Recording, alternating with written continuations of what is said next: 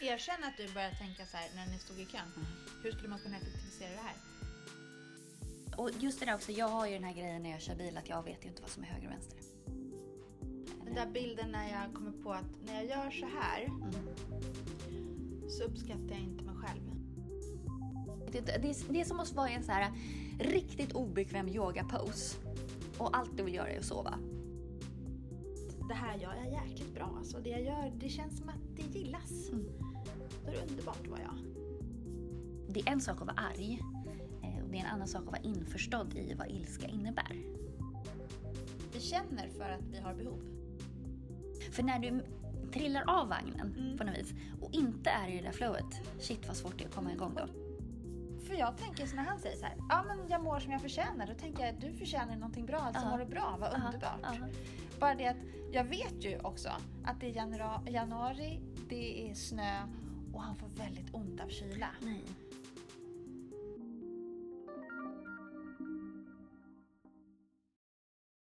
Hej! Hej Jessica! Nu är vi här igen, gud vad Ja, härligt. Jättemysigt. Eh, och eh, sist vi sågs då var det prinsesstårta i grönt och Ja, nu är det rest, annat smask. rester från ett afternoon tea. Ja, jag tror jag ska alltså, moffa en liten muffin här. rester. Jag skulle säga att det här känns eh, otroligt lyxigt att få små sockersöta afternoon tea gottisar i, i olika kulörer. Och bäst av allt var ju hallongrottorna. Jag älskar också hallongrottor. Det är ju helt fantastiskt. Ehm, det är barndom. Mm. Älskart. Mm. Så mysigt. Eh, du, jag tänkte på en sak. Eh, hur har du haft det sen vi sågs? Det har varit jättebra. Jag har ju varit på Nya Zeeland. Och du, jag tänker på planet, eller på vägen dit. Mm. Vi snackade om att du skulle vara med för en stund. Ja. Det kan ju inte varit så lätt. Hur gick det? Ja, men du var jätteduktig ända Vad fram till Frankfurt. Där fikade jag ur, eller vad hände? Nej, där tog jag över. Där tog du över, okej. Ah, då åkte jag hem, så jag vågade mig bara till Frankfurt. Mm. Du, får jag bara nyfiket och envist fråga. Hur, hur var jag? Hur betedde jag mig? Jo, men du var väldigt glad och positiv och nyfiken. Mm. Eh, ända från Arlanda i planet till Frankfurt. eh, sen, det är väldigt spännande det här. Du vet, när, ibland blir man ju slumpmässigt uttagen för såna här, när de drar några såna lappar mot kroppen för sprängämnen. Ja, eller i väskan. Mm. Och det här hände mig på Arlanda. Ja. Och då kände jag så här, men det, då har i alla fall inte jag sprängämnen på mig. Då kan inte jag sprängas inifrån i alla fall. så Nej, då har vi skönt. det hotet Ja, borta. Skönt. Mm. Att jag, jag som ett eget hot Ja. finns inte. Precis. Så det var ju lite lugnande. Sen så satte jag med på det här planet då till ehm, Frankfurt. Eh, det var ingen som hade talat om hur stort Frankfurt är. Eller jo, jag hade ju hört att det var stort, Ja, men jag det förstod ju inte vad det innebar. Jag behövde åka ett tåg. Ja. Det hör ju hur imbecill jag är. Ja. Men, men det, det var, hade jag vetat det från början, då hade jag, det hade blivit jobb. Att man ska behöva åka tåg, var det så du tänkte? Ja, lite så. Medan jag tänker, schysst, man får åka tåg så man slipper Ja, men det var ju träna. stressigt mellan, eh, mellan där och så. så, att, Ja. ja. ja, så att, eh, och jag visste, det var lite oklart också exakt hur Men vad var man du skulle stressad komma. för? Ja, men att jag inte skulle hitta rätt och sådär. mm. och tänk förstår. om du inte hade hittat rätt Ja, då? men då hade jag missat planet. Ja, men det går ju fler tåg och det går fler plan. Ja, men då måste man ju rodda i det. Ja. Och jag är ju så här tidseffektiv. Ja. Då försvinner ju en massa tid på onödigheter. Ja. Sådär. Det, känns, men det känns bara onödigt. Det är onödiga pengar och det är onödig tid. Mm. När man kan komma rätt Mm. från början. Mm, Varför gör jag fel när man kan göra rätt? Ja, men precis, det var ju så jag tänkte. Men Ja. jag gillar ju Tyskland. Ja, ja. Och på Frank jag älskar ju tyska jular. Det är ju så här kvalitetsjular. Så att jag fick ju lite tysk jul när jag sprang igenom Frankfurt. Där, så, att, så det var ju bra. Eh, och deras säkerhetskontroll. Ja. Mm, me like alltså. Vad, hur, vad, Ja, men det är uppstyrt och det är liksom, du får till och med göra en hands up position. Det Deutsche Ordnung. Ja, älskar det. det? Ja, älskar det. Ja. Du, blev det en liten lapp där de kollar sprängämnen i väskan? Och... Nej, i Tyskland kollar de bara till och med allt. Alltså så här, visitera och kollade hårknuten. Till så och att den med. satt Så att, schysst ja. Ja. Klart det ska vara ordning på den. mm, och att det inte var något, något konstigt i Ja. den också. Ja. Så, att, det- så det var bra. Kokain i tofsen. Ja, precis. Har man ju hört om. Ja, det är det bästa. ja, och sen så, så eh, när jag satt där och skulle båda till nästa plan, då bara ser jag hon som sitter mitt emot mig bli så här urstressad. Mm. Och eh, hon är spanjorska. Eh, och man ser ju på folk direkt när de har tappat någonting eller något viktigt. Liksom. Och sen så förstår jag efter ett tag när hennes man kommer att hon har tappat sin iPad någonstans. Nej. Ja, och det är inte så här, hon kan inte ha haft så här, hitta min iPad eller någonting så. För de gjorde ingenting. De gick inte, de bara konstaterade att hon har glömt iPaden någonstans. Och, den är borta, så här. och då kände jag så här, 1-0 till mig, otur. Ja. För det kunde ha varit jag. Det kunde Ja. varit jag och Ja, det ja, var inte jag. Nej. Så att, eh, då gick ju hoppet upp lite grann. Så, så att. Men sen eh, nästa flight var ju till Abu Dhabi. Eh, och den var lång. Ja. Mm. Eller lång, för mig var den lång. Det var sex timmar. Och det gör så, åh, det gör så ont i kroppen och sådär. Eh, Ont i kroppen. Ja, jag får ont i kroppen av att sitta still. Mm. Det är jobbigt att sitta Okej, still. hur löser du det då? Nej men det gör bara ont. Man får, jag vet inte. Det här- Säg som det, du gör armhävningar Nej, nej, jag ville bara sitta helt still och bara försvinna. Typ. Ja. Jag ville bara sova. Jag går- har ju en sån här, när jag tycker att något är obehagligt eller tråkigt eller kallt, då vill jag bara sova. Mm. Så Den- du stänger ner? Ja, den är jättedum när det är kallt.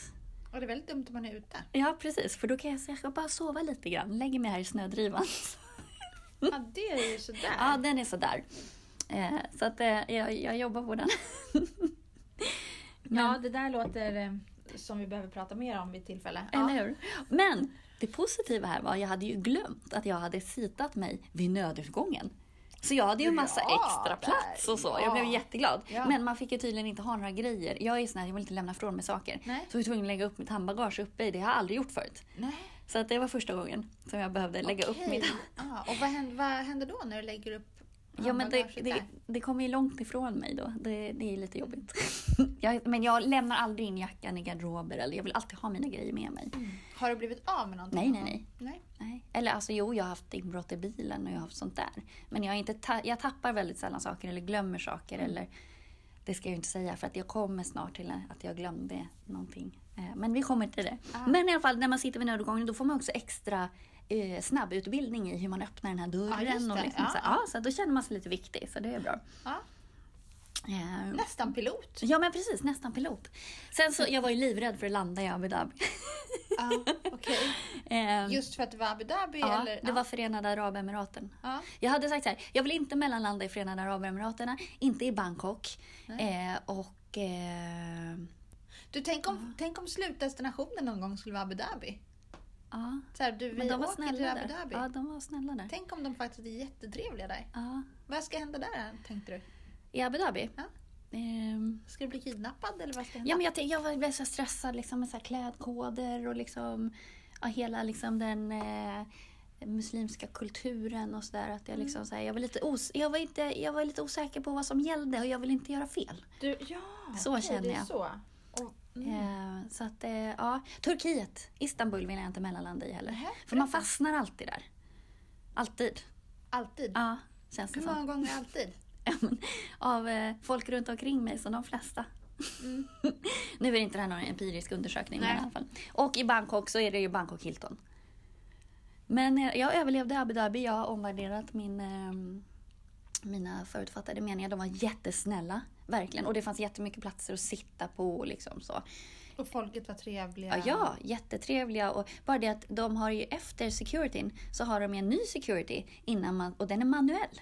Mm. Så då får alla som ska på planet ställa upp sig på ett led. Så går de igenom väskan och liksom så här. Mm. Bara det att, vet du hur många som får plats på ett sånt här plan? Långflygsplan. Det är Många. jättemånga, så det tog en timme typ. Mm. Men också säkerhets... Eh, genomgången där i Abu Dhabi, den var lite mer manjana manjan. Det var lite lamt. Erkänn att du började tänka så här när ni stod i kön. Mm. Hur skulle man kunna effektivisera det här? Ja, men lite så. Ja, eller åtminstone ifrågasätta varför är sker det så ineffektivt. Just det. Eh, så att, eh, jag ja, har så ett att, tips till dig. Eftersom det gick så bra i Abu Dhabi. Mm. Mellanlanda i eh, Ankara, Turkiet. nej, nej, nej, nej, nej, nej. Tänk Det, om det du får samma härliga upplevelse. Ja, kanske. Mm. Ja, men det vore någonting. Sen kom, ja, från Abu Dhabi då till Melbourne så var det den längsta sträckan. ja. Den var ju så, 14 timmar. Mm. Och hur var det för dig? Du som har svårt att sitta still. Ja. Nej men alltså då var jag, var, i och med att jag var ju så uppskrämd och skärrad efter det här sex timmars passet. Jag hade så ont och det var så, det var ju så, här, så att jag precis överlevde. Så att då var jag så här, okej, jag, jag kapitulerar helt. Så att det var smärtstillande, det var sömntabletter, det var liksom, jag bara gömde mig under en filt. Och det var två jättegulliga australiensare som satt bredvid mig. Så när jag tittade fram där efter typ 12 timmar, de bara Hello! Så bara How was your flight? Jag bara mm, Exciting. För jag hade bara suttit som ett troll under den här filten. De bara undrade vad det var för mongo som satt bredvid dem och sov. Så att, eh, ja men det var, det var bra för mig. Men det gör så ont alltså. Man vet inte, det, är, det är som att vara i en så här riktigt obekväm yoga-pose. Och allt du vill göra är att sova. Fast det går inte att sova. Nej, alltså ja, jag försöker tänka mig in i det där, men jag har ju... Ja, ja. Och sen var det bara flighten från Melbourne till eh, Christchurch. Ja. Och det var ju som himmelriket. Det var ju bara, det var ju typ tre timmar. Mm, Och bara, då satt jag och kollade på en film och liksom, mm. då var jag lugn. Och jag tror tricket, jag var inte jetlaggad eller någonting. Och trick, jag, jag försökte sova så mycket som möjligt. Och jag åt ingenting på hela flighten. Så jag var jättehungrig när jag kom till Christchurch. Eh, Men jag tror att det var tricket liksom, för att då hade kroppen inga referensramar kring vad klockan var. Nej. Så gjorde jag likadant på vägen hem sen. Är jättebra. Tortyr alltså. Kroppen har inga referensramar om vilken tid på dygnet Nej, det är. Det kan precis. vi leva i för länge. Nej, men om man flyger är tortyr. Att flyga är tortyr. Okej, så det är lika bra att gå all in. Ja. Ja. Men när jag kommer till Christchurch, där är också min turskala som gick upp då. Då, eh, så bara det jag ska ta mig från flygplatsen till hotellet själv. ja, jag hade ju kollat ut så här att man kunde åka en buss och typ så, tänkte jag var lite kul. Men då kunde man inte betala med kort, så jag var tvungen att betala med cash och jag hade ju inga cash med mig. Eh, Så att då var jag tvungen att åka, åka sån här shuttle eller taxi eller så här. Och halvvägs så kom jag på att jag har ju glömt både min dator och min iPad i trolleyn. Nej. Eh, oh. Och då var hon så gullig, alltså hon taxichauffören, så hon kör tillbaks mig till flygplatsen. Ja. Och när jag kommer till den där trolleykön, Ja. då ligger grejerna kvar. Jag bara, jag älskar Nya Zeeland. Otroligt. Alltså efter 20 minuter. Ja. Otroligt. Alltså helt otroligt. Så att, eh, då fick jag ta en ny taxi och sen så hittade jag till hotellet. Så stack jag ut och sprang lite och sen så kom de andra. Så att jag överlevde. Alltså det har gått bra för alla flighter har ju varit i tid och jag lever. Det måste man säga är bra. Väldigt bra. Det skulle jag säga var fin utgång. Men jag är väldigt nöjd. Ja, det förstår jag. Och jag känner att jag, jag, jag är lite tuffare nu. Jag har lite mer rutin. Det handlar ju om det också. Mm. Att jag, jag vet ju att jag uppenbarligen hittar ju till gaterna. Ja, du fixar det. Så att, eh, ja. Och skulle man komma bort värst så kan hända det att man försöker kontakt med någon. ja usch. Och det är underbart. Alla du träffar, jag tänker det är så potentiella vänner som du bara inte visste fanns. Nej precis, jag vet.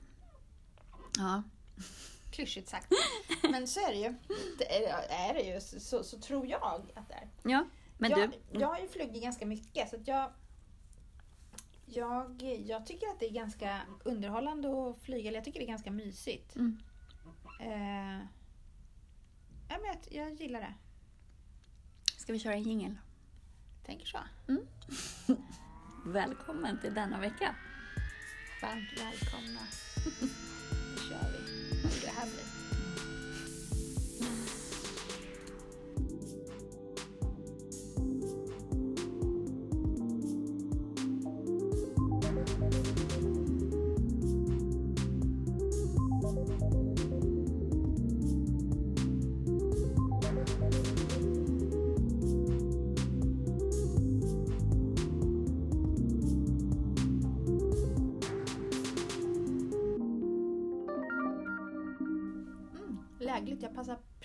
Att trycka in en...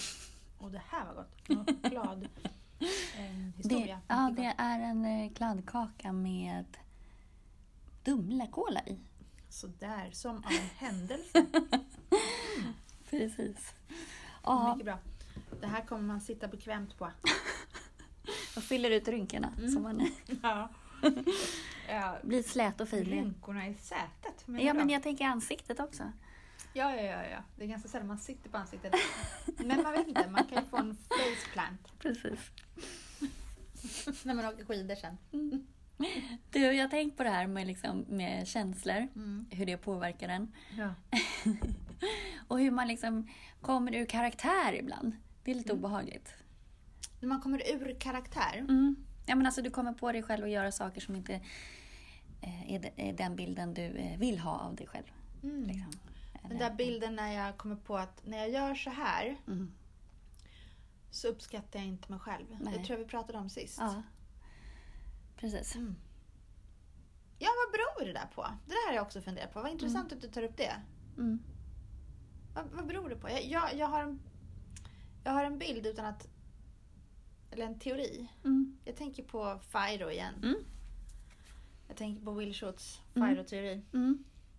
Han menade ju på att när, när vi känner oss kompetenta, betydelsefulla och omtyckta, Mm. då är, vi, då är det underbart att vara vi. Mm. När jag som individ känner mig att det här gör jag bra. Mm. När jag gör det här så gör jag någonting betydelsefullt. Och då gillar jag mig själv. Mm. Eller när jag är med personer som får mig, som tar fram mina positiva sidor. Precis, som får mig att känna mig som kompetent fru, kompetent flickvän, kompetent vän eller mamma eller vad det nu kan vara. Mm. När, jag, när jag får känsla av att det här gör jag jäkligt bra. Alltså det jag gör, det känns som att det gillas. Mm. Då är det underbart att vara jag. Mm. Eller när vi är ett, ett lag, Mm. ett fotbollslag, eller när vi är eh, på en arbetsplats. När vi känner att det här gör vi himla bra. Mm. Vi är riktiga stjärnpresterare i det här. Eh, vi gör någonting riktigt bra för laget Mm. Eller för arbetsgruppen. Mm. Då gillar vi att vara vi. Mm. Men så fort kompetensen på något sätt blir ifrågasatt, Mm. då hamnar vi direkt som genom ett blixtslag Mm. ner i förödmjukelse. Hänger det lite ihop med att jag är mina prestationer? För det där kan jag känna igen. Eh, just också när vi var på Nya Zeeland nu och jag skulle köra och det är vänstertrafik. För mig blev det en prestationsgrej och jag var jättestressad över det och jag eh, var väl inte jättepigg på det men jag kände ändå att nu får jag skärpa det. Liksom. Det är klart att någonstans är det också lite så här, det här har jag aldrig gjort eller det här, så här jag måste ju testa. Lite pippi i det. Ja, men då vill jag ju ändå vara så himla duktig och så himla liksom så här. Jag ville ju kunna det där då. Eh, och det blev lite fel i min hjärna med det där. Och just det där också, jag har ju den här grejen när jag kör bil att jag vet ju inte vad som är höger och vänster. Nej. Så att om någon säger så här, sväng vänster. Jag, jag hör att du säger sväng vänster och jag vet det redan innan också att jag ska svänga vänster. Men jag kan inte översätta det till, jag behöver att någon visar mig med handen. Så här, sväng dit och visar Ja. Eh, och vi Var hade... det dit eller dit kan ju betyda både höger och vänster. Ja, men det är därför jag ska Ja, var visa med handen. Liksom, så. Eh, och då hade vi någon sån där, något, sånt tillfälle. Och då kan jag också ställa kontrollfrågor. Så här, fast jag vet att oh, jag ska svänga hit. Eh, så kan jag också säga, jag ska svänga hit, eller hur? Liksom dubbelfråga, var så Ja, över. det. Liksom. Ja. Eh, och så, så kände jag mig helt här, utelämnad och eh, idiotförklarad. Och så, bara för att jag hade lite svårt för det här. Eh, Du tappade kontrollen lite. Ja, alltså mitt prestationsjag levererade inte på topp. Nej. Och då är jag tyvärr, eh, när jag hamnar i de situationen så- blir jag eh, lite... Ja, det är inte helt bekvämt. Eh, så att jag... Tappar tron på dig själv lite. Ja men, ja, jo, men jag känner mig väldigt utelämnad och eh, kränkt ska jag inte säga. Nej, För det är men inte kan rätt det vara som ord. att men... säga, är jag okej som jag är nu? Ja, även precis. fast jag inte vet vad Ja. som är vänster? Ja, precis. Att jag känner mig Mm. som om jag är dum i huvudet och världens liksom mest korkade.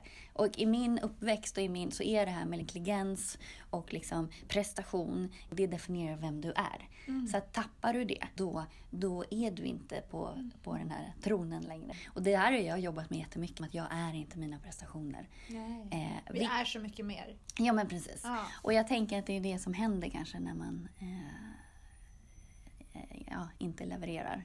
Mm. Eh, men det är viktigt också så att, man ska, att man trivs med sig själv. Mm. Ja, jag tänkte på det lite när du pratade, att det är ju lite prestations... Ja, där är ju prestation. Men jag tänker också att det kan vara att, eh, att det blir okejad i en grupp. Ja, men Och tror att det, Utan att prestera någonting. Utan Precis. att vara bra på att hacka lök eller... men det ligger ju hos mig. Ja. Om jag är uppfostrad i en Ja, pres- precis. prestationskultur så kommer Ja. ju inte jag fatta att det är det som är spelreglerna. exakt. På samma sak som om du är uppfostrad i en kultur där så här, men jag är okej, alltså strunt i vad man presterar. Och det här är lite habitus Ja, också. ja. Eh, så kommer ju inte jag ens tänka, jag kommer inte, även om mitt fotbollslag inte spelar bra eller så, jag kommer ju inte så här, Mm. bry mig egentligen. Nej. För att det påverkar inte mig. Nej. Eh, Eller om man lever med någon som är otroligt rigid i att det ska vara museilikt hemma. Mm. Otroligt välstädat. Mm. Och så lever man ihop med någon som är precis tvärtom. Mm.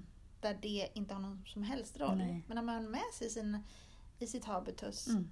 Om den ena har med sig i sitt habitus att här ska det vara museilikt. Mm. Eh, och den andra har med sig att kan vi inte spela kort istället för att Mm. se till att lägga tid på det istället för Ja, att eh, bo i ett precis. museum.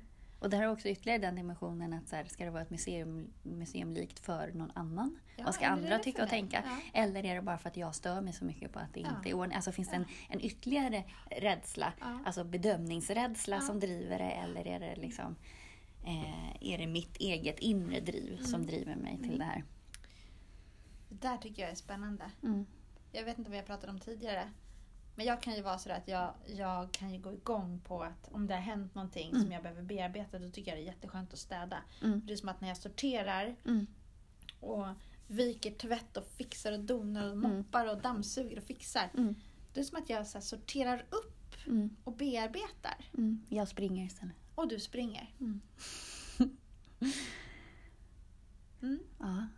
ja, men tanken rör sig framåt när kroppen rör sig framåt. Ja, Så att, ja, då, då, då bearbetar jag i mitt inre. Jag är väldigt, är inte så brydd om saker runt omkring. Det är klart, jag, jag gillar ju när det är ordning och reda och städat runt omkring mig. Mm. Men jag är mer, i och med att jag är introvert så händer, det är det som händer i mig som är det viktiga. Så jag måste ha mer ordning och reda inne i mig. ja, Än att jag har behov av att det är städat på mitt skrivbord. ja. Ehm, så att, men jag tänker lite på det här med, med David Hume. Mm. Eh, som är en sån här upplysningsfilosof. Han pratar ju, han omkullkastar ju hela det här med kausalitet och sådär. Att saker, att saker sker i en viss följd behöver inte vara att de är beroende av varandra. Eller att våra erfarenheter, att man lär sig liksom att om jag stoppar in eh, papper i elden och det börjar brinna. Det behöver inte betyda att, att papper brinner av eld, det händer bara så just nu. Eh, Så att han var ju lite kontroversiell så. Men, men han pratar ju också om det här med att eh, med att det är inte förnuftet som styr oss i slutändan utan det är ju våra känslor. Och han sa en väldigt klok sak. Eh, att det är en sak att vara arg eh, och det är en annan sak att vara införstådd i vad ilska innebär. Och jag tänker att det är Vänta lite nu, det är en sak att vara arg. att vara arg. Mm. Och det är en annan sak att förstå. Mm. Och där tänker jag också, det är lite det här att vara- bli vuxen. Mm. Att kunna sätta ord på, formulera och tolka sina känslor. Mm. Och veta var de kommer ifrån, vad de beror på och vad jag ska göra med dem. Och hur jag ska agera. Så att om jag bara får världens raseriutbrott för att jag inte kunde behärska mig. Mm. Så har jag ju lite att jobba på. För det är ju inte det konstruktivaste sättet att gå tillväga. Utan det är ju ett meddelande. Jag blir arg. Det är ett meddelande till mig om mig själv eller så. Eh, och det är det jag måste ta till mig. Jag kan inte heller skylla på att jag blev så arg. Så jag har carte blanche. Men det blir svårt för omvärlden att Mm. förstå varför du är arg om du inte kommunicerar varför. Nej men precis. Att, att använda sig av empatisk kommunikation. Ja. Jag tänker att det är ett bra, ett bra verktyg. Och där kommer ju förnuftet in på något sätt. Där kommer förnuftet in. Att, Att, att, att, att eh, orientera sig, stanna upp Ja. och orientera sig. Vänta, vad händer nu? mm. Varför är, vad, vad hände med mig när, när det här meddelandet kom till mig? Mm. Varför reagerar jag så? Vad är det jag Precis. behöver? Vi känner för att vi har behov. Ja. Och det intressanta där är, tycker jag också, det är ju väldigt mycket relationer till andra människor. För alla tankar jag har, framförallt negativa tankar om andra människor, är ju med, jag tänker att det är meddelanden till mig om mig själv. Alltså jag blir provocerad av den här personen och tänker en negativ tanke för att jag kanske är hotad eller jag kanske är rädd. Eller så. Och då är det ju så här, okej vad är det jag är rädd för? Vad är det den, den här personen sätter igång hos mig? Vad är det jag känner? Känner jag mig mindre värd? Eller varför värderar jag mig själv gentemot den här personen? Så. Och att jag, jag måste jobba med mig själv. Jag kan aldrig, det är aldrig någon annan som orsakar mina känslor negativt. Alltså det, Nej, det är det ju inte. Men jag Det- tänker att när, när andra personer får mig att uppleva frustration. mm. Eller du väljer att Eller uppleva när- frustration. Ja, när jag väljer att, att uppleva frustration. Mm. Eh, det kanske jag gör för att jag hamnar i eh, jag hamnar i en beteendesignal i kroppen. Mm. Och då tänker jag mig att då hamnar jag i ett beteende ett försvarsbeteende. Precis, och om jag inte har stött på det här förut och inte kunnat bearbeta det. Mm. Eller jag kan ha stött på det men jag har struntat i att bearbeta det. Då kommer jag reagera likadant Ja. gång efter gång efter gång. Eh, så, så blir det ju inte bättre. Men därför tänker jag i alla fall, så fort man hamnar i en situation där man känner så här, nu var jag inte stolt över mig själv. Då måste man ju backa och Vad händer nu? Ja, och varför och hur ska jag reagera nästa gång? Så att jag kan nästan Rannsaka tänka... sig själv. Ja, och jag kan nästan tänka så här, tänka om scenariot, så här, backa och bara, hur hade jag velat reagera? Som till exempel det här med, med bilkörningen i Nya Zeeland. Mm. Jag hade ju behövt vara tydligare i eh, vad jag behövde. Och vad, men jag var så stressad där och då så att jag kunde inte sätta ord på vad, vad, vad som hände. Det gick så fort. Ehm, Kan det ha varit så att du var i ett jag var ju lite postflyg, Ja, ja, tillstånd kan det också. vara så att du, då hamnade du kanske i ett, det kan vara så att du hamnade i ett försvarsbeteende. Ja, Att du kanske blev som självanklagande. Men gud, jag har ju aldrig koll på vänster eller höger. Ja, dålig jo men det var ju verkligen en prestationssituation. Och den, det är relativt, jag är mindre och mindre så nu för tiden. Så att där blir jag också lite så här, shit, när jag kände mig som jag var 14 år igen. Liksom. Mm, man kastas tillbaka. Och det är väl det som är i att vara i försvarsbeteende. Ja. Eller kanske röd zon i sig själv. Ja, Att man känner att åh vad det skaver nu, jag vet Mm. inte vad jag ska göra men jag beter mig på det här sättet. men det här slutade ju med att jag gick ur bilen bara. Mm. För jag kände att Tack, jag... Jag Ja, har slutat köra. ja, ja, det var lite så. Jag lämnade just precis tillbaka mitt körkort till Ja, Trafiksäkerhetsverket. Så gick jag sista biten. Du gjorde en sån. Nej men jag kände, jag pallade inte. Nej. Eh, just där och då. Sen Klokt för så, alla medtrafikanter. eller hur? Men sen så var jag, jag körde ju senare också, då gick det ju bättre. Så att jag, är ju, jag är ju också sån som går tillbaka till utmaningen. Ja, Nu fasen ska jag klara det här. Men det är bra att du går tillbaka och hoppar upp på hästen igen. Ja. Jag tänker att gå, då kopplar man ju på flykten. Jag Ja, tänker också att det är en Oh, ja. typ av försvarsbeteende. Ja. Men jag tänker när vi hamnar i de här situationerna. Mm. Dels när vi kanske själv eh, eh, förödmjukar oss själva i att det här kan inte jag, usch jag är världens sämsta. Mm. Eller att vi får någon annan som får oss att tro att det är så. Mm. Då kan man ju kalla sig själv eller den man möter i det här beteendet ens problemängel. Mm. Jag tänker genom att öva på Precis, människor är vara- utsända för att ja. man ska öva på dem. att, ö, att öva på att vara i frustration.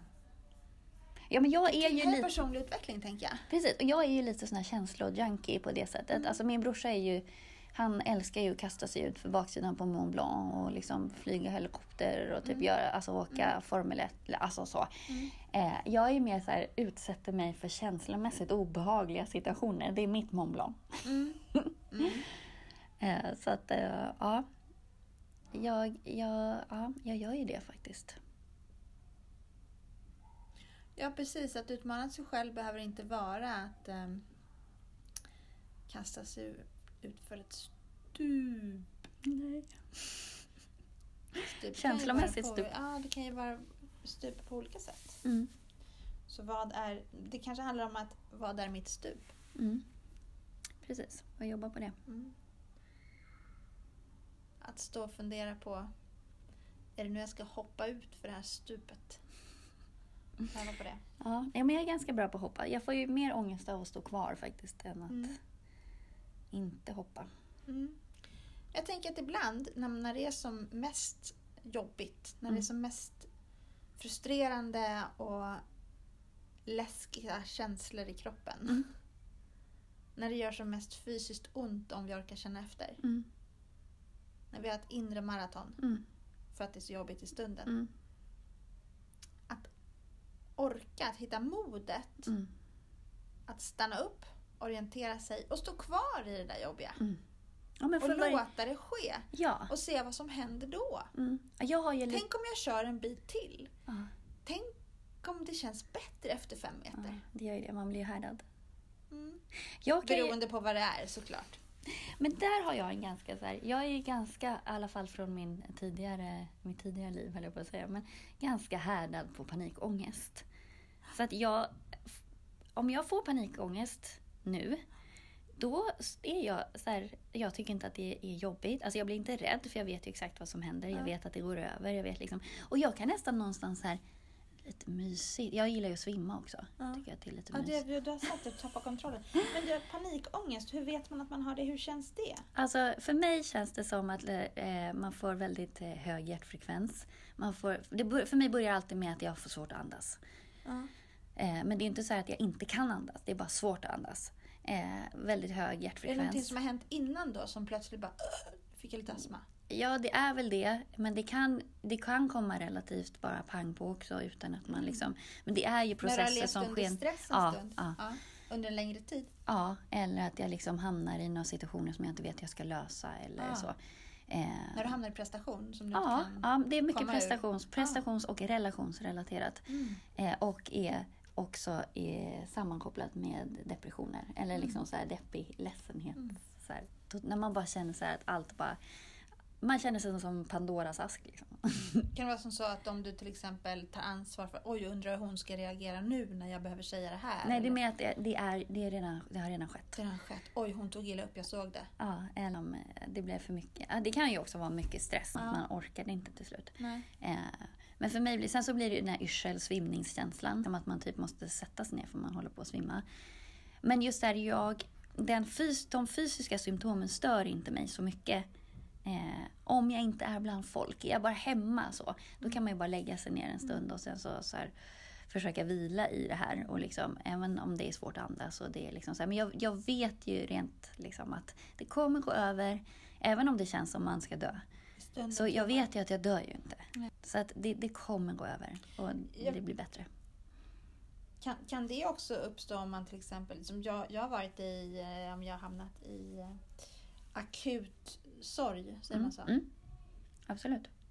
Eh, då var det för mig som att världen bara Mm. kopplades bort. Mm. Det var bara jag i världen. Mm. Ja, men det är som Och någon drar ner in- rullgardinen. Liksom. jag gick in i en bubbla Mm, och bara det här mm. är inte sant. Nej. Det här är en mardröm. Ja. Snälla nyp mig i armen så jag Ja, vaknar. ja. Mm. Men man vaknar inte. Eller det, det är sant. Mm.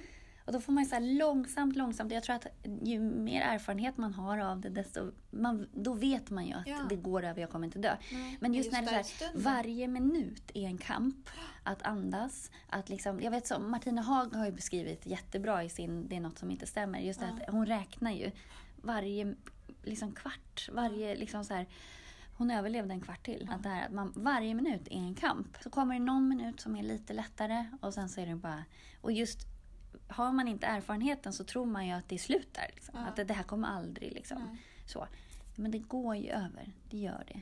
Eh, sen måste man ju aktivt, varenda sekund som känns lättare måste man ju på något sätt desperat greppa efter. Och ja. liksom, ha- för det är så himla lätt också, för det var ju det jag gjorde när jag var yngre. Att bara rasa ju. Att jag följde med det här deppiga istället för att desperat följa det Ja. lilla, lilla, lilla ljus som fanns. Så att nu, nu kom jag ju ur det relativt fort. Mm. Eh, för att jag har alla verktyg. Eh, men det hade jag ju inte när jag var yngre och då blev det ju mindre lyckat. Men det blev lyckat på slutet.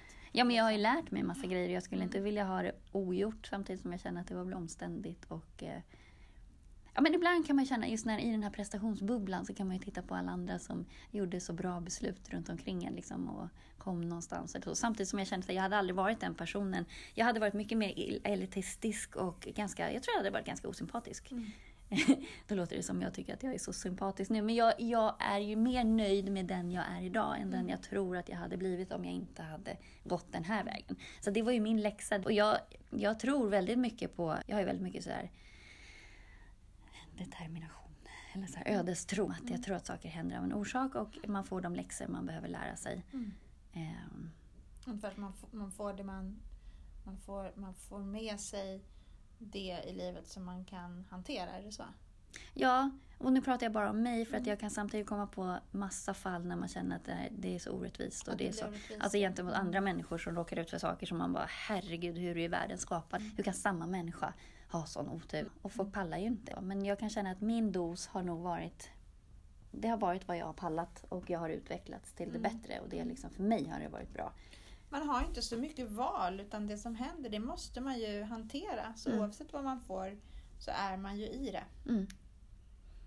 Det man får i livet det är ju det vi behöver ta om hand. Ja, och den väljer man ju också hur man... Man kan inte välja vad som drabbar en, men man väljer hur man bemöter det. Och det var ju lite det vi pratade om sist, det här med KASAM-teorin. Mm. Den tycker jag är jättespännande, just det här med meningsfullhet och Mm. begriplighet och hanterbarhet. Och just det här att till synes de här kvinnorna som hade liksom suttit, i- suttit i Auschwitz, liksom, att vissa var hur starka och livsglada som helst och andra var helt brutna. Undervisa. Ja.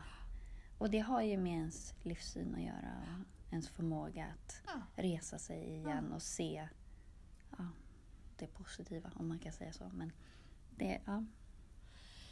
Ja, att se det positiva det är ju... eh, Det tycker jag är härligt. Mm. Men jag tänker också på det här med känslor. Eh, och eh, att det måste ju finnas en... Något som, vad är det som driver en? Vad är motivationen? Eh, och om det inte är förnuftet, det måste finnas en känsla som driver. För det här med att skjuta upp saker. är ju, alltså man vet ju att jag ska göra den här hemtentan eller jag ska göra den här planeringen eller så här. Mm. Men ändå gör man inte fast man vet att man ska göra det. Ja. Och för det är inte förnuftsmässigt så. ja. Eh, och där är det så tydligt att det är känslan som styr oss också. Att Ja. man måste trigga känslan. Och då kanske man säger, om man tänker på känslan, hur känns det efter när jag har gjort det här? Eller, eller att det är som en hårddisk liksom, där det ligger saker i vägen och skräpar när, ända tills man är klar med det. Mm. Det är inte först du är klar som du kan lägga det åt sidan. Och det tar ju upp massa energi medan det ligger där under tiden och bara är i vägen. Och ligger och väntar. Ja men precis. Eh, men det här med att skjuta upp saker är väldigt spännande. Ja, jag tänker Gör du det? Skjuter du upp mycket? skjuter upp saker, ja. Eh, ja, skjuter jag upp saker? Det gör jag säkert. Jag gör det. Eh, och jag är dålig på att slutföra sista delen i saker också. Och därför blir det så här att som jag jobbar på. Att jag blir så arg på mig själv så fort jag märker de här tendenserna. Vilket kan då ge mig ett beteende där jag inte skjuter upp. Nej. Men jag är naturligt en människa som skjuter upp och som inte slutför eh, alla gånger. Att jag liksom orkar inte riktigt. Och då blir det mitt, i och med att jag är sån så blir det att jag då jobbar på de grejerna. Då blir det att jag skjuter inte upp och jag Nej, slutför. nej. Men det är en ansträngning för mig. Eh, Jag vet när jag står inför, jag satt och jobbade och så hade jag en, jag brukar skriva upp en lista över vad jag ska göra så att jag vet, så att jag minns vad jag ska göra helt enkelt. Mm. För det är som att jag går in i en sorts jobbtrans så bara är jag i den där lilla bubblan och jobbar, jobbar, jobbar, jobbar. Mm. Och sen när det är färdigt då är det så här, nu är det här klart, vad ska jag göra nu? Mm. Då vet jag min lista. Mm. Eh, Älskar listor. Mm. Och då vet jag att när jag sitter under dagen och ser min lista krympa Mm. och när jag bara gud och blickar tillbaka ibland. Mm. Bara, mm, det här har jag gjort, mm, bra. Det är lättare där när är du är det- inne i ett flow också. Ja, Om det du- här har jag gjort, det blev ju inte så bra. Ja, men det kan jag ta sen. För när du trillar av vagnen Mm. på något vis och inte är i det där flowet, shit vad svårt det är att komma igång då. Och då är det risk att det blir, där vi har våra misslyckanden. Ja, Där kan det ju kanske bli då att man, att det blir någonting man skjuter upp. ja. Jag vet inte, jag har inte reflekterat över det tidigare. Nej. Förrän nu faktiskt, så Mm. tack Nej. för det. Har jag tänka på. ja, men för mig är det också en sån här grej. Så här, det är därför jag också gillar att träna på morgonen. Har jag sprungit, då är jag igång och då kan jag ändå känna att jag har gjort någonting idag också. Då har jag lättare att Då står det 1-0 till dig. Ja men precis. Jag, om jag börjar dagen lite sekt och lite utan riktning och sånt där. Då har, då har jag typ trillat av vagnen. Då är det sånt jobb att hoppa upp på hästen igen.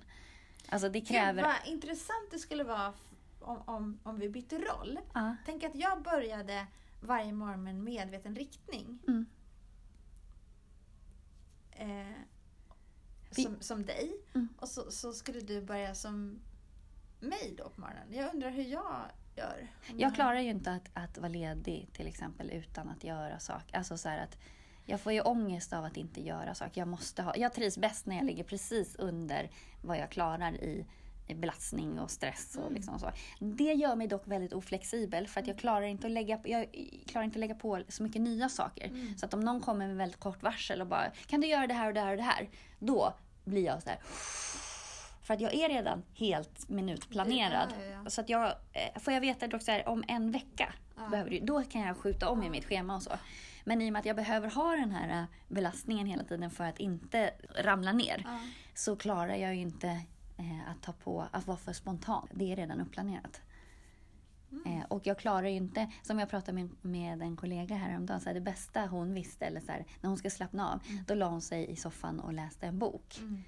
Eh, eller bara vara hemma en lördag, ingen annan är hemma och hon hade inget hon skulle göra. Det får du panik Ja, gud. Nej, men alltså, det är ju så här, jag kan nästan så här... Ja, nej, då, då måste jag åtminstone så här, kan inte någon bara eh, åka hem till mamma och pappa och typ eh, be att de sysselsätter mig eller liksom att man Mm. börjar eh, måla om någon trädgårdsmöbel eller... Nej, men jag kan... Eh, så där tycker jag livet oftast är för mig. Att det är mycket att göra hela tiden. Mm. Så att när jag väl...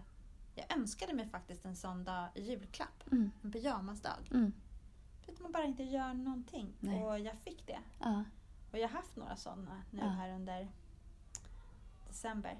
ja, Och jag ska säga att jag tycker att det var riktigt, riktigt skönt. Och bara få vara. Tänk så olika man är. Jag klarar det om jag är fysiskt uttröttad. Mm. Då klarar jag att ta det lugnt mentalt. Mm. Eh, för då kan jag säga, om jag har tränat riktigt hårt, eh, så, då klarar jag av att bara så här, fika, slappa. Mm. Men jag måste vara fysiskt... Men det kanske är det som är grejen, att jag måste vara fysiskt uttröttad för att inte orka tänka. Mm.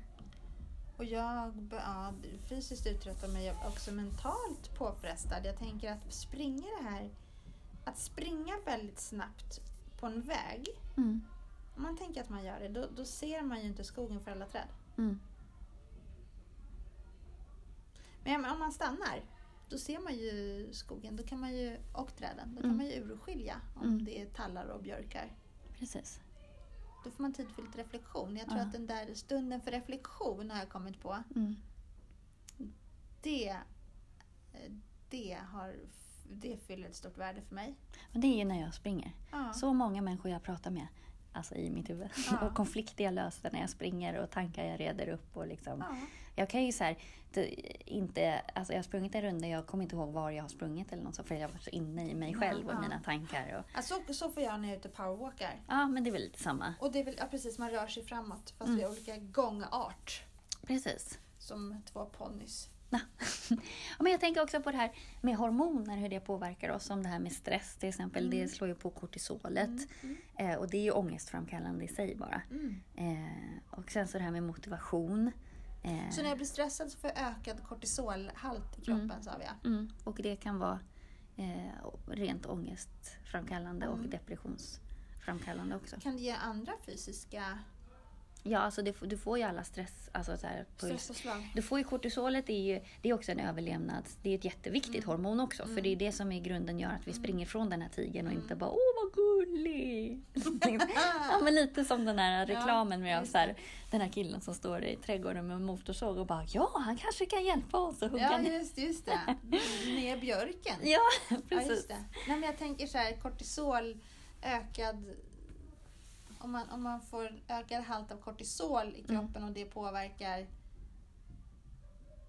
så att vi blir mer stressade, då rimligtvis så påverkar väl det alla organ då tänker jag. Ja, precis. Hjärtat slår fortare, Ja, och du, du kan inte... levern kanske jätte, nedsatt funktion. ja, precis. Eh, Det är jättemycket sådana saker. Eh, och eh, binjurarna, Ja, det är de som pumpar ut det så de blir, kan ju bli helt utmattade. ja. Eh, och, och man blir utbränd och sådär. Så att det är jättefarligt att ha kortisolpåslag hela tiden. Det är gjort för att liksom slås på, fly från tigern och sen så när vi har gömt oss så det, går det ner igen. Men våran tiger i dagens samhälle försvinner inte. Den är efter oss hela tiden och då blir det jättefarligt. Jag tänker så här, jag vet inte hur det kom upp i mitt huvud, det här var ju helt bisarrt, men då tänkte jag sen när du sa som så att eh, kortisolhalten ökar, Mm. det påverkar till exempel, det sa inte du, men jag tänkte så nu, att eh, det påverkar till exempel levern, sa jag. Mm, mm, Om jag då är, är väldigt stressad, Mm. någonting har hänt och så sitter du och jag och dricker vin. mm.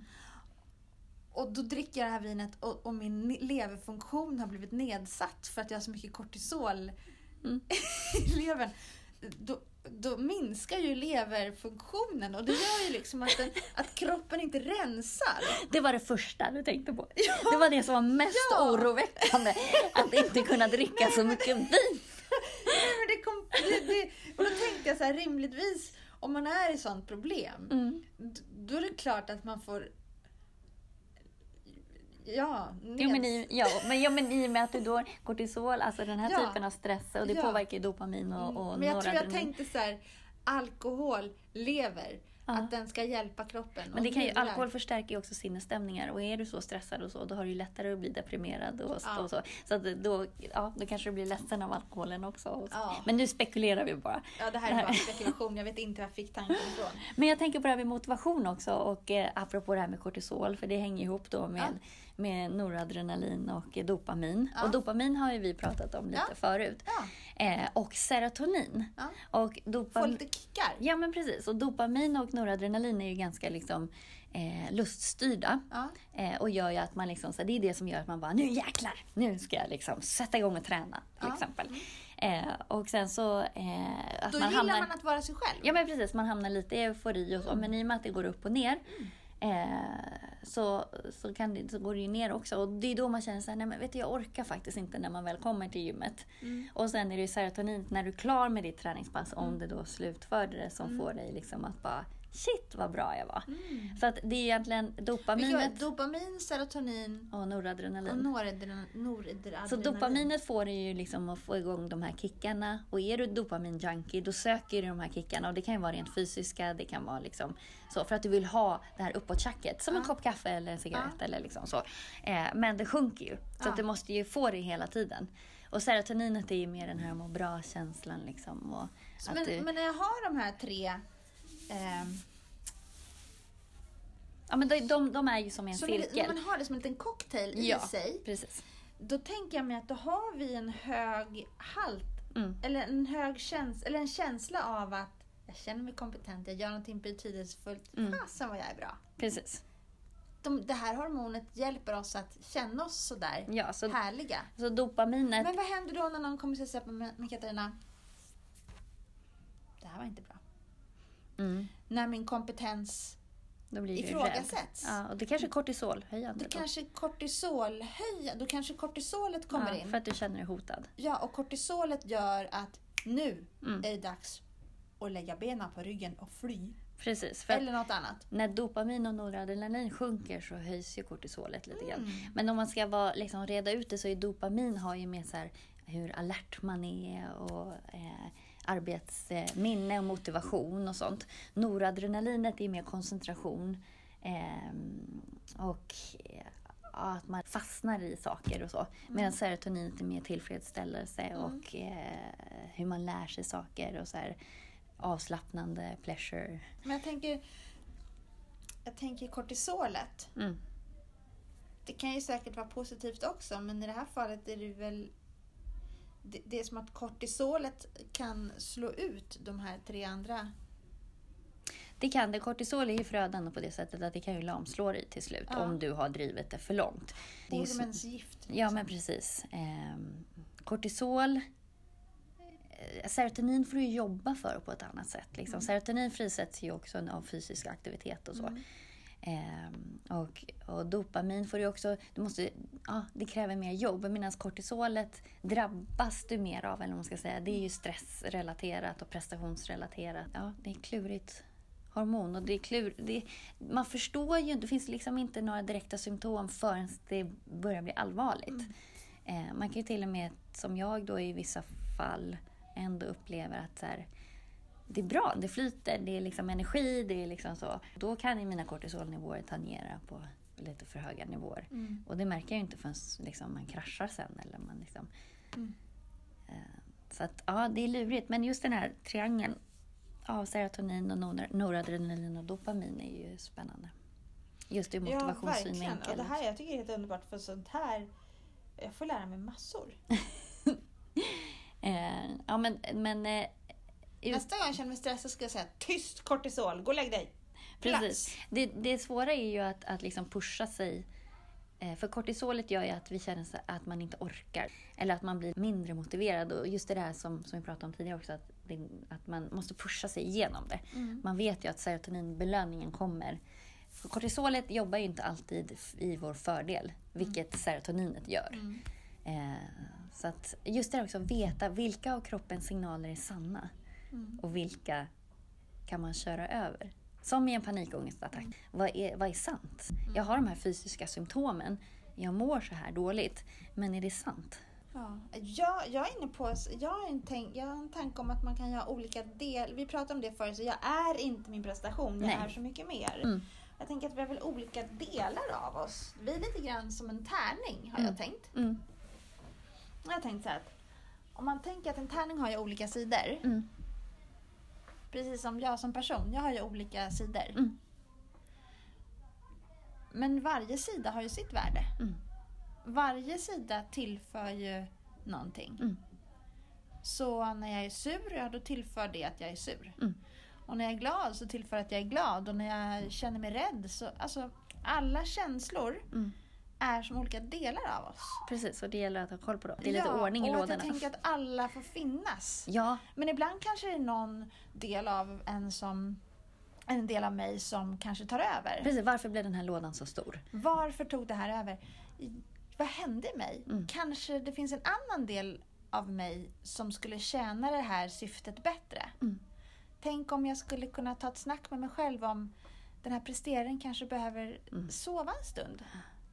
Och fastna i vanor. Och Ja, så, jag alltså kanske skulle behöva ändra riktning. Precis. Ändra riktning. Ja, men negativa beteenden och sånt. Att inte fastna i dem. Nej, att de får finnas men när vi fastnar i dem att, att försöka att, att möta dem. Mm. Att det är en liten problemängel som jag håller på och har en little, lit, a little battle with. Precis. Det är som mina demoner. Mm. Your battles. Precis. Mm. Nej, men jag tror att så här, det här med att skjuta upp saker och att definiera vad som är sanna känslor och inte. Eller det är bara känslor. Och känslor kommer ju från tankar från början.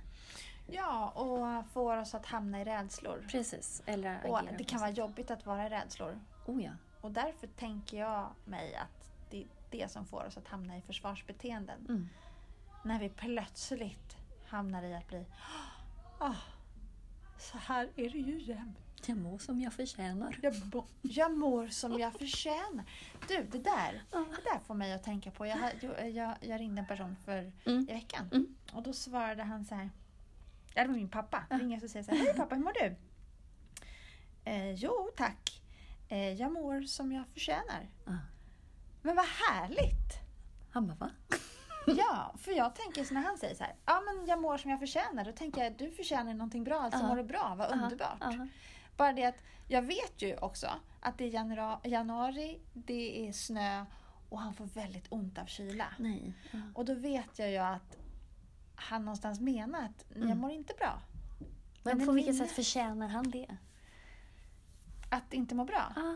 Nej, det vet jag inte. Men jag hoppas att han... Jag, vi, pratade, vi pratade inte vidare om det där för han har så många sägningar min pappa. Han kan Ja. även säga om jag ringer. Ja. Jag minns att jag ringde en gång när det var ganska sent. Mm. Lite sådär för sent. Och så svarar han telefonen och säger Hej pappa, det, det är jag. Förlåt att jag ringer sent. Eh, sent? Ja, det gjorde ingenting, jag skulle ändå svara. Och jag tycker det är ett underbart sätt att... Eh, det är inget problem när du ringer på dygnet, för Nej. jag skulle ändå svara. Ja. Visst är det fint? ja, verkligen. Superhärligt. Och det är ju så sant. Ja. ja, man behöver lite mer sån där saker att ta ställning till. Ja. Men du, eh, har vi kommit fram till någonting idag? Vi har kommit fram till eh, Att jag är bättre på att flyga? du är bättre på att flyga och att eh, kortisol kan stressa min lever. Precis.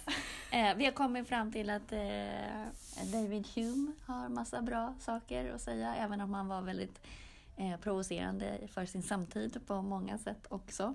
Men det här med motivation, det är så himla spännande att skjuta upp saker. Att man faktiskt är bara tänker ett varv till och bara ta ansvar. Ja, men ta ansvar för att lyssna till din kropp. Mm. Och man kan inte vänta på att saker ska vara så himla lustfyllt och, och roligt hela tiden. Utan det behövs göras, gör det. Allt i livet är inte roligt, men man kan ju få det att bli roligt. Ja, eller varför ska det vara roligt? Det kan vara tillfredsställande.